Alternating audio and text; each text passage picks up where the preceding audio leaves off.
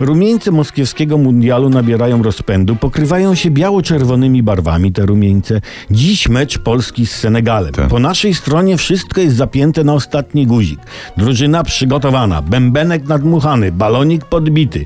Zwierzęta z polskich ogrodów zoologicznych wróżą nam sukces. No bo, bo zwierzęta w polskich zoach, jeżeli to jest taka liczba mnoga od zo- zoów, Tak. no, typują wyniki meczu. W Krakowie Słonica Cita wytypowała nasze zwycięstwo. Także w łódzkim zoo Makak Grześ wybrał banana leżącego przy biało-czerwonej fladze, a nie inny przysmak. Prasa nie pisze, jaki to był ten przysmak przy fladze Senegalu.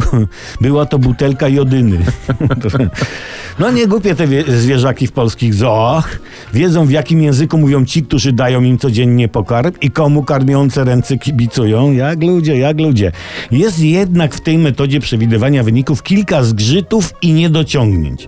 Bo na przykład te same dokładnie zwierzęta w senegalskim zoo wytypowałyby zwycięstwo Senegalu, prawda? Już pracownicy senegalskich zoołów zadbaliby o to. Tak jak zadbali pracownicy naszych zoologów. Druga sprawa. Słuchajcie, poważniejsza. Dlaczego w obecnej dobie czasów dzisiejszych w Polsce wyniki naszej drużyny narodowej, narodowej, typują zwierzęta zagraniczne? Słoń, makak. To już my polskich zwierząt nie mamy do przewidywania wyników? A krowy holenderki? A konie arabskie, duma naszej Pride of Poland? A dżownica Mariola?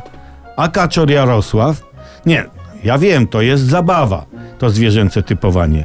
No ale słuchajcie, bawmy się odpowiedzialnie, nie? W końcu gra nasza polska gola, tak?